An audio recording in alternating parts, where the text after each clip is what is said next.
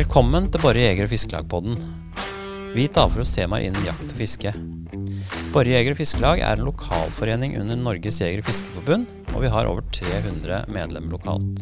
I denne podkasten skal vi treffe spennende gjester, som alle er veldig gode på sitt felt. Og vi satser på at det blir mye å lære for de som hører på.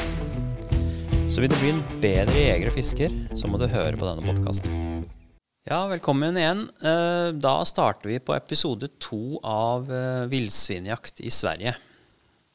Og i studio så har vi, som forrige gang, Christian Wert og Odd Mareno Leonardsen. Og jeg heter Øyvind Stensrud. Sist gang så, så avslutta vi med å snakke om eh, skuddplassen eh, når man har skutt et villsvin, og hva som skjer da. Og nå har vi kommet frem til, eh, til det punktet at eh, man kommer frem til skuddplassen, og så ligger ikke grisen der. Altså man står overfor et ettersøk. Og hva kan man gjøre da, Christian? Når det gjelder gris, så skal du være litt Du skal ha godt noe ettersøk, og du skal vite hva du gjør. Da. For det, har du skadeskutt en gris, så kan den fort uh, gå på deg hvis den klarer det. Uh, Så du skal Du må i hvert fall ha med deg børse, og du må vite hva du går etter. Eh, Det er ikke noe å bare legge ut på hvis det er første gang du er på villsvinjakt, og så tror at det er et rådyr og bare sprette etter. Du må snakke med noen, vite hva du driver med, og så Hvis ikke det er noen erfarne med i jaktlaget, så må du ha en avtale med noen lokale svenske ettersøksjegere. Eh, Du kan få deg en overraskelse. Jeg har kommet bort til trær hvor den ligger under granbar og freser til deg og gjør utfall. Og... Så det er, eh, det er viktig å vite hva du går etter. Det kan være alvorlige skader du kan pådra deg hvis, du, hvis dette går gærent. Bør jo ha ettersøksklær, rett og slett. Bukse som tåler å bli bitt i av grisen, så ikke du blir spretta opp eh, hvis det er en stor gris med store tenner. Så det er som saks hvis du er uheldig. Det er jo jaktklær med kevlar i, som man kan kjøpe hvis man ja, skjønner at man må gå noen ettersøk. Så er det på natta, så du bør jo ha vite hvor du er hen, og du kan gå langt innover i skogen, så du må ha utstyr eh, for å komme deg tilbake hvis ikke du er lommekjent i terrenget. og Ja, to, I hvert fall to av oss som sitter her, har jo gått oss vill Ja. på ettersøk. Jeg vet ikke åssen det er med deg, Odd, om du har uh, Gått meg vill. ja. Jeg har kanskje vært litt for uh, lite redd. Så derfor så er det veldig viktig å tenke på det at du, når du går ut og velger å starte på et ettersøk, at du har med deg både mobiltelefonen din, gjerne et kompass. Ja, jeg har laga meg en egen liten veske jeg, med GPS-en min og alt sammen, så jeg tracker ruta jeg nå når jeg går. Og ikke minst hodelykt. Hodelykt er Hodelykt og jo et must. eh, Gjerne to hodelykter ja. bør man ha når man er ute på sånn type jakt. Det er natta, og da er alt annerledes. Enn på Det er veldig fort gjort å gå seg vill på natten. Hvis det snør, f.eks., da kan du gå deg vill i løpet av 20 meter. Ja. Ja, ja. Og det kan hende du skal krabbe inn i Det går jo i tetta, dette her. så- Så du kryper under noen trær noen ganger, og du dukker opp et sted, og du har ikke sett deg bakover. Du vet ikke hvordan det ser ut bak deg når du snur deg, og det er eh, Så er det mye Du har litt adrenalin. Du er eh, Så du bør ha hjelpemidlene du kan ha med deg. Men åssen er det i forhold til når, når man krabber? For det er jo ofte, de går jo inn i tetta, som du sier, og man ofte går inn i grantetter, så da må du krabbe etter dem. Da har jeg tenkt at eh, det hadde nesten vært bedre med et spyd enn med et gevær. Det har vi tenkt òg. Vi eller jeg kan si i hvert fall, har brukt uh, hagle noen ganger. Da har jeg i hvert fall to raske skudd, eh, som er noe som heter buckshots. Uh, litt store hagl. uh, kontra bare rifla, hvor du har ett skudd om å repetere, videre. Eh, og så har vi jo tenkt på sånn stikkniv foran på en lang pinne, og Man får jo kjøpt egne spyd også til formålet, men han vi jakta hos i Skåne, han hadde laga seg et eh, spyd med en skikkelig kniv på, med epoksy og masse greier. Men det er nettopp når du er på så, i så tett kratt, så, så er det veldig vanskelig å få opp ei børse. Da er det bedre å da, men det, Dette er ekstreme de tilfeller. De gangene jeg har vært med på det, så har jeg gått med min hund. da. Så, og den er veldig forsiktig når den nærmer seg grisen. Da blir hun veldig rolig. og så da ser jeg på at ok, nå er det noe, så da, da kan jeg gjøre meg litt mer klar. holdt jeg på å si. Da vet jeg at det er et eller annet i nærheten. Mm. Og da stiger jo adrenal, adrenalinet veldig, da, hvis det er i tetta. Men uh, Så det er uh, Du må lære, lære, å lese litt tegn her og der. Jeg bruker veldig mye hund. Jeg går sjelden helt aleine på de blodspora som du ser. For du ser jo blodspor noen ganger, og sånt, men uh, jeg bruker hunden, for den varsler meg tidlig. I hvert fall min hund. Mm. Ofte så er det jo en en grunneier eller en bonde, altså noen man leier jakt fra. Så for de fleste så er ikke dette et issue at de skal gå ettersøk sjøl, men det er klart, skjønner man at man skal gjøre det, så, så må man lære seg litt ting på forhånd. Man må, man må i hvert fall ha en viss kunnskap om å lese en skuddplass. Uh, ja, hvis blodet er uh, lyset rødt og det er litt bobler osv., ok, da er det kanskje et lungeskudd, og da kan vi føle oss litt tryggere. Uh, så er det jo som du sier, hvis du leier jakt på hos noen folk, så, så, skal du jo melde fra hvis grisen ikke ligger på plassen som regel, da, til utleier. Og da, de kan jo ettersøke som regel, eller har egne ekvipasjer, mm. og da kan du få lov til å være med de, kanskje, hvis du spør dem. Så lærer du litt. Men, eh, så, men hvis du leier deg et eget terreng og aldri har jakta gris før, så har du en bratt læringskurve. Mm. Ja. Men uh, hva For å avslutte dette, da, da, er jo skuddplassering veldig viktig. Hva, hvordan skal du legge skuddet, Odd, når du Grisen har hjertet egentlig ganske lavt uh, i forhold til, uh, i forhold til uh, hva man kanskje er vant til hvis man drar på rådyrjakt eller hjortejakt osv. Uh, man skal skyte i bogen. Det er på en måte sånn som man har lært på jegerprøven. Det er samme for grisen som det er for alle andre dyr. Selv om hjertet kanskje ligger litt lavere på grisen enn hva man er vant til. Du skyter i hjerte-lungeregionen. Da vil den som oftest kanskje ta seg en liten tur før den dør. Skyter man litt høyere, så er det større sjanse for at du treffer ryggvirvelen og at den ligger på plass. Det er min erfaring. Litt grann høy bog, så får du ofte litt større sjokk i, i ryggen, og at den detter. Knall- og falleffekt, at den ligger på plassen ofte. Ja.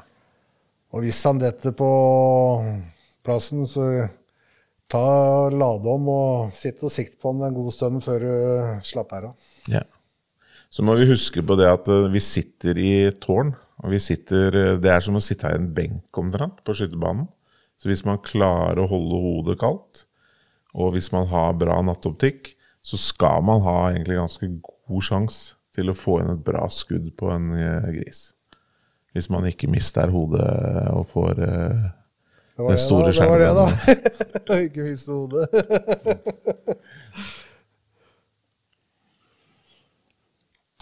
ja. Nei, men da har vi jo vært igjennom uh, mye rundt uh, selve jakta fra tårnet. Um, og så er det jo da Da har vi jo forhåpentligvis fått grisen tilbake til låven eller jaktplassen vår, og vi skal slakte og ta vare på kjøttet. Skal vi si litt rundt det?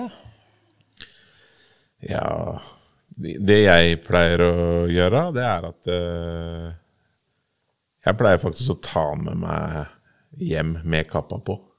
Mm. Men dette her er jo forskjellig fra folk til folk. Men jeg syns det er bra, for at den skal transporteres. Og det, er, det, blir ikke så mye gris, føler jeg. Eh, hvis man da har kappa på og kan slakte hjemme. Mm. Eh, for hvis du skal, sla, hvis du skal eh, ta, det med, ta med deg hele dyret uten at, uh, at skinnet er på, så er det fort gjort at du kanskje får litt mer bakterier inn på kjøttet. Det er sånn jeg, jeg gjør det. da. Ja.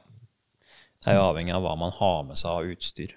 Har du en stor eh, sekk som er beregna for mat, f.eks., så kan man jo flå grisen og, og ta skrotten med Det er jo det vi har gjort mest, Christian, at vi, vi har flådd og tatt hele skrotten med hjem eh, i en plastsekk. og har det vært litt varmt, så har vi gjerne brukt en sovepose utapå sekken og fylt grisen med frosne vannkanner. Altså Ja, det er lurt. for å få kjøling på veien hjem. Det har i hvert fall vært en greie vi har gjort.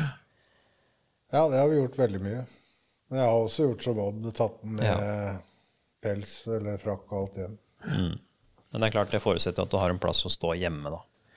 Vi er jo litt heldig stilt, for vi har jo et kjølerom og, og fasiliteter for å håndtere det når vi kommer hjem. Men ja, folk har jo forskjellig utgangspunkt her. Men, men så er det jo da kjøttet, maten. Eh, Det er jo flott eh, mat, flott kjøtt. Og her har vi jo alle forskjellige måter Det er veldig lett å å lage tilberede. dårlig mat av villsvin.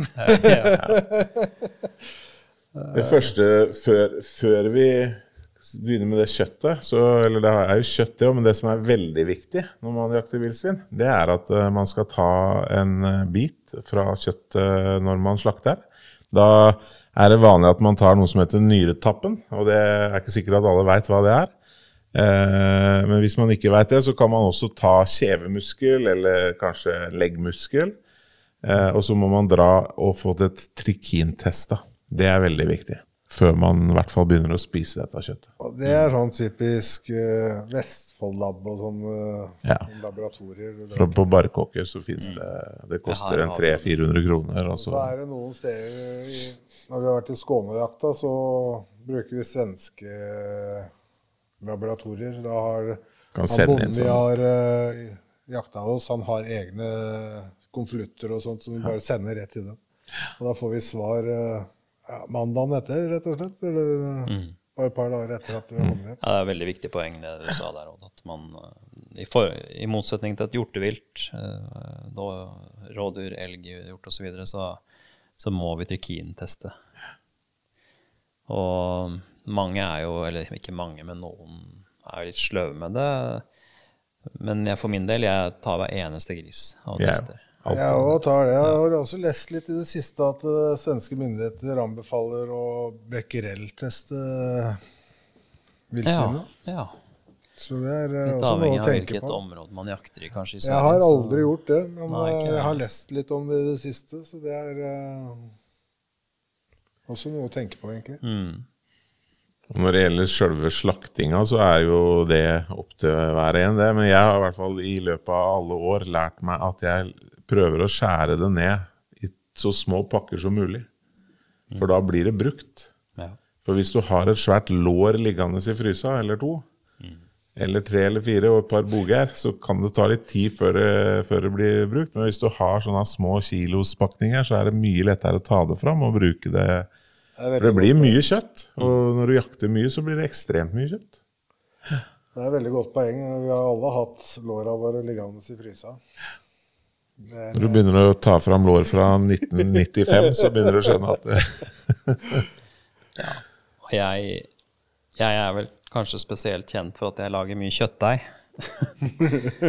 og ja, så vi er forskjellige. Jeg, familien min setter pris på kjøttdeig. Vi lager mye av det. Alt fra kjøttdeig og spagetti, pizza, ja, lasagne, whatever. Men uh, f.eks. å ta en villsvinnakke uh, og langtidssteke den eh, Ja, det er mange det er det mange jeg gode har mest suksess med å lage Ja. type pulled Ja, pork. pulled Det er, pork-teknikk. det det er så mye jeg snadder du kan lage. Ja. Ja. Jeg syns ribba, hvis du får en, en litt feit sugge, så er det veldig godt å lage akkurat som juleribbe av villsvin. Det har faktisk jeg gjort òg. Rulla hvis du bare skjærer langs ribbeina, og så ruller hun med masse gode krydder og sånt. Og så Ja. Ja, det er den, utrolig Kjempegod smak. Ja, du må meg så- ikke fjerne fettet på Nei. villsvin. Nei, det er faktisk det beste på Ja. hele villsvinet, Ja. nesten. Nei, Hjemme hos meg så sa de at den gangen vi hadde villsvinribbe, så var det den beste de hadde fått. Ja. Så ja. Nei, er, man blir jo sulten av ja, vi sitter og gliser alle sammen, så Nei, så det er bare å, bare å prøve ut villsvinjakt, folkens. Dere som hører på. Det er eh, spennende og gir jo flott mat. Um, ja, hvordan få jakt, det har jeg notert meg. Det er jo ikke bare bare.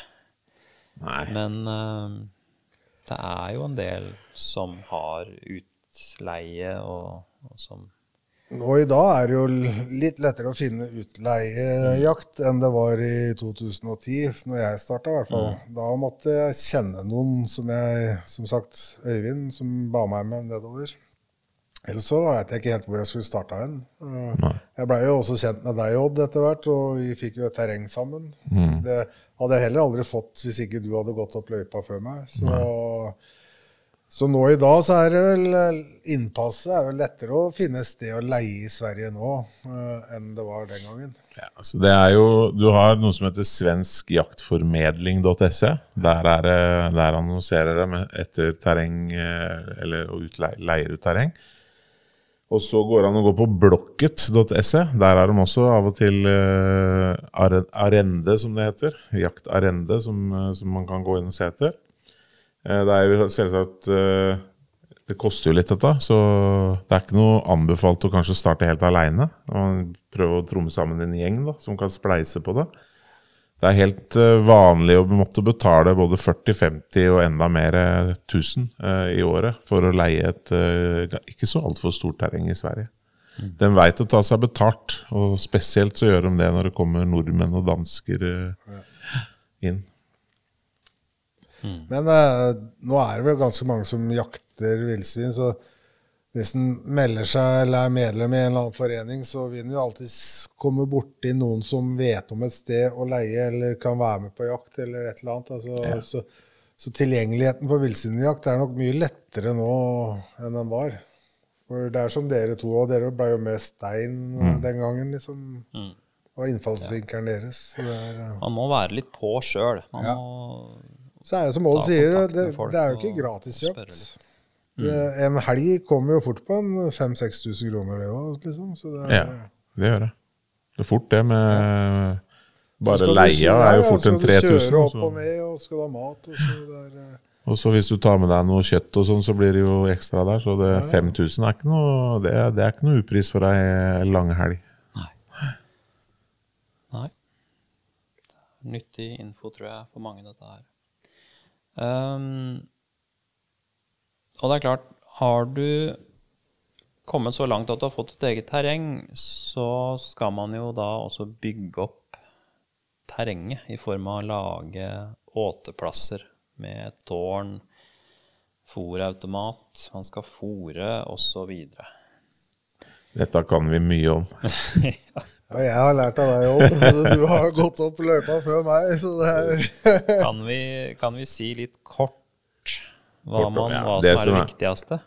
Eh, det viktigste er at du, du må finne deg eh, en plass, eller fler helst, eh, men i hvert fall finne deg en plass hvor du tenker at dyra kan føle seg litt trygge når de kommer fram til den åteplassen.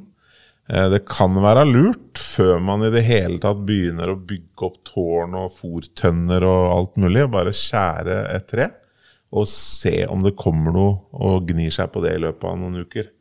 For det, hvis de gjør det, da veit du i hvert fall at det fins gris i det området. Så er det da å huske på at du skal holde dette ved like, sånn at du skal inn med ganske tunge maissekker eh, og fylle oppi denne tønna som du skal sette på, på sånn automatisk fòrtønne. Så det er greit å ha prøve å, å være i nærheten av en vei eller noe, sånn at du slipper Vei, å gå eller- veldig langt med hver sekk. For det kan fort bli ganske slitsomt å fylle, etterfylle Ja, dette. det er 200 liter i den tønna. Og Ja. så hvis du har eh, Det går noen sekker Det oppi går en fem-seks sånne 25-30 kilo sekker oppi en sånn tønne. Og så eh, er det jo da å få på plass den, og så kan man gjerne la den stå og gå. Eh, kanskje ha et viltkamera, sånn at man kan se hva som skjer. Før man begynner å etablere tårnet. Ja, og få bygd det. Så også tenke litt vindretning. Se litt hvem vei det blåser mest eh, Ja. på stedet. Kanskje se litt på hvor er det dyra faktisk kommer fra. Vilttråkk, stier og sånt. Ja. Og vi har vel egentlig hatt ganske Vi har vært flinke, vi, med plasseringa vår. Eh, men ikke like flinke overalt. Noen Nei. plasser er bare mye bedre enn andre. Sånn er det. Men det er litt sånn erfaring òg, det, da. Det er, eh, Men vi har i hvert fall alle plassene våre så er i sånn ikke veldig langt å gå inn med maisen. Det er, eh, og det er jeg veldig glad for. Ja, og vi, vi har et sted, men da må du være, reise med de som har litt ordentlige biler. Da, Ja. da slipper du å gå så jævlig. Pickup er, eh, er Pick kjekt å ha. ting, tingen å ha når du holder på med dette. Ja. Uh, ble det nevnt rulletønne? Det er også Ja, det, det går også an å ha hvis du har en plass hvor det egner seg. At du setter opp en, eh, en tønne som eh, med høl i, og så fyller du den med mais på bakken, sånn at de kan dytte den rundt. Da fester man den i et kjetting rundt en stang, og så vil de stå og rulle den rundt og rundt i ring. Erfaringa mi med det er at uh, hvis man ikke er der så ofte, så blir den veldig fort tom. Og da mister det litt hensikt, føler jeg. Eh, på grunn av Hvis den alltid nesten er tom når de kommer, så er det ikke sikkert at den har så like stor effekt. Da. For å avdekke om det er gris på en plass også, så kan det jo være lurt å bruke det først. Ja. At man legger ut det. Det jeg har gjort noen ganger, har vært at jeg har lagt litt mais i, og lagt dem under steiner og sånn. For det, de lukter så godt at de finner dem. Og så hvis det har vært noe gravd opp, så veit jeg i hvert fall at ok, det er det. Veldig bra. Nå tror jeg vi har eh, fått dekka over mye. Hadde vi eh, hørt denne podkasten før vi skulle begynne med villsvinjakt, så tror jeg vi hadde fått eh, mye gode tips på veien. Ja, det er jo et emne du kan prate mye og lenge om, egentlig. Ja, tida har flydd fort. Vi, vi er kommet så langt at jeg tror vi må runde av denne episoden. Er det noen av dere som eh, har en liten jakthistorie sånn på tampen, da? I forhold til villsvinjakt?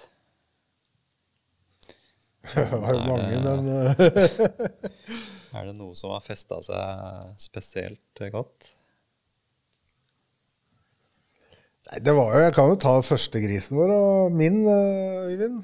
Da satt jeg oppe i tårnet, og det var skumring, og det var siste natta. Vi skulle være her tre dager. Og du skøyt jo, og noen andre skøyt, og jeg kjente jo at misunnelsen blei større og større. Og jeg hadde jo noen forhåpninger jeg dro på tur. Jeg hadde jo hørt de skrønehistoriene, liksom. Så jeg satt der siste natta og var skumring, så kom det jo en svær flokk inn, da, sikkert en 12-13-14 dyr. Og så valgte jeg ut ett dyr og penga på, og så jævlig sikker på at den lå der og fikk summa meg og så ut av luka, og så Nei, det var ikke noe gris der. Og gjorde jo første feilen var å sette en børsa oppi bua og rasa ned på plassen, og ja, her var det blod.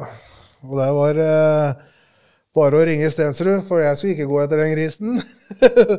så jeg ringte etter Øyvind, og så kom jo han eh, opp. og han var litt mer erfaren enn det jeg var, for det var også mitt første vilt. Sånn eh, stort vilt. Jeg hadde skutt noen harer og litt sånn før, men eh, Så jeg tenkte jo ikke på å se på blod eller noe sånt når jeg, men det fikk jo han med seg. Altså, han så jo at det var uh, lyst blod med bobler i, så han var jo litt tryggere enn meg. Og dette var, begynte å bli mørkt, og, så han jaga meg innover, han da, foran. Og vi fulgte jo sånn blodspor innover, og så Jeg var jo dritnervøs, for å si det pent. Det var mye lyder, og det var uh, mye greier. Så jeg var krabba nesten bortover, og han gikk bak og Ja, ser du noe? Ser du noe? Og så var det stille et lite øyeblikk, og så hører du bare kvakk, kvakk, kvakk, kvakk, kvakk, kvakk, kvakk, kvakk, kvakk. Og da skvatt jeg til og brøla til så jævlig at hele Skåne hørte meg. Det er jeg sikker på. og Stensrud gikk bak og humra og lo, for det var jo en and som letta fra et vann rett i nærheten. Jeg var 100 sikker på at den grisen kom mot meg. Men uh, da var det to meter til, og da lå han jo stein død borti, bortafor meg der. Så det var veldig, veldig bra. Så jeg var i fyr og flamme resten av kvelden. ja, du, um, du ble hekta da. Ja. Det gjorde du. Og det er jo mange som som blir. Så var jeg Jeg må jo dra en til. Jeg var, var jeg er ikke lenger, men jeg var veldig mørkeredd. det var min største bøyg. Så da jeg gikk til post i lyset, så var det greit. Men når jeg skulle gå hjem, og det var bekk mørkt, så var jeg jo livredd. Så jeg gikk jo og sang nede i Skåneskogene. Jeg har lada børse, og jeg skyter hvis jeg må! Så jeg var eh, dritgira en liten stund. Men jeg tvinga meg sjøl ut i skogen i mørket, og nå er det kurert. Det er bra. Det er noen historier om det der. ja. ja. Det er veldig gøy å høre på deg, Kristian, når du forteller uh, disse jaktskrønene.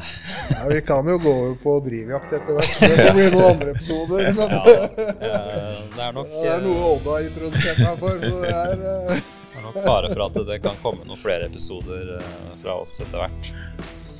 Men uh, da tror jeg vi runder av, ja. Så jeg kan bare takke så mye for uh, selskapet. Så høres vi vel snart igjen. Ha det bra. Over og ut. Ha det.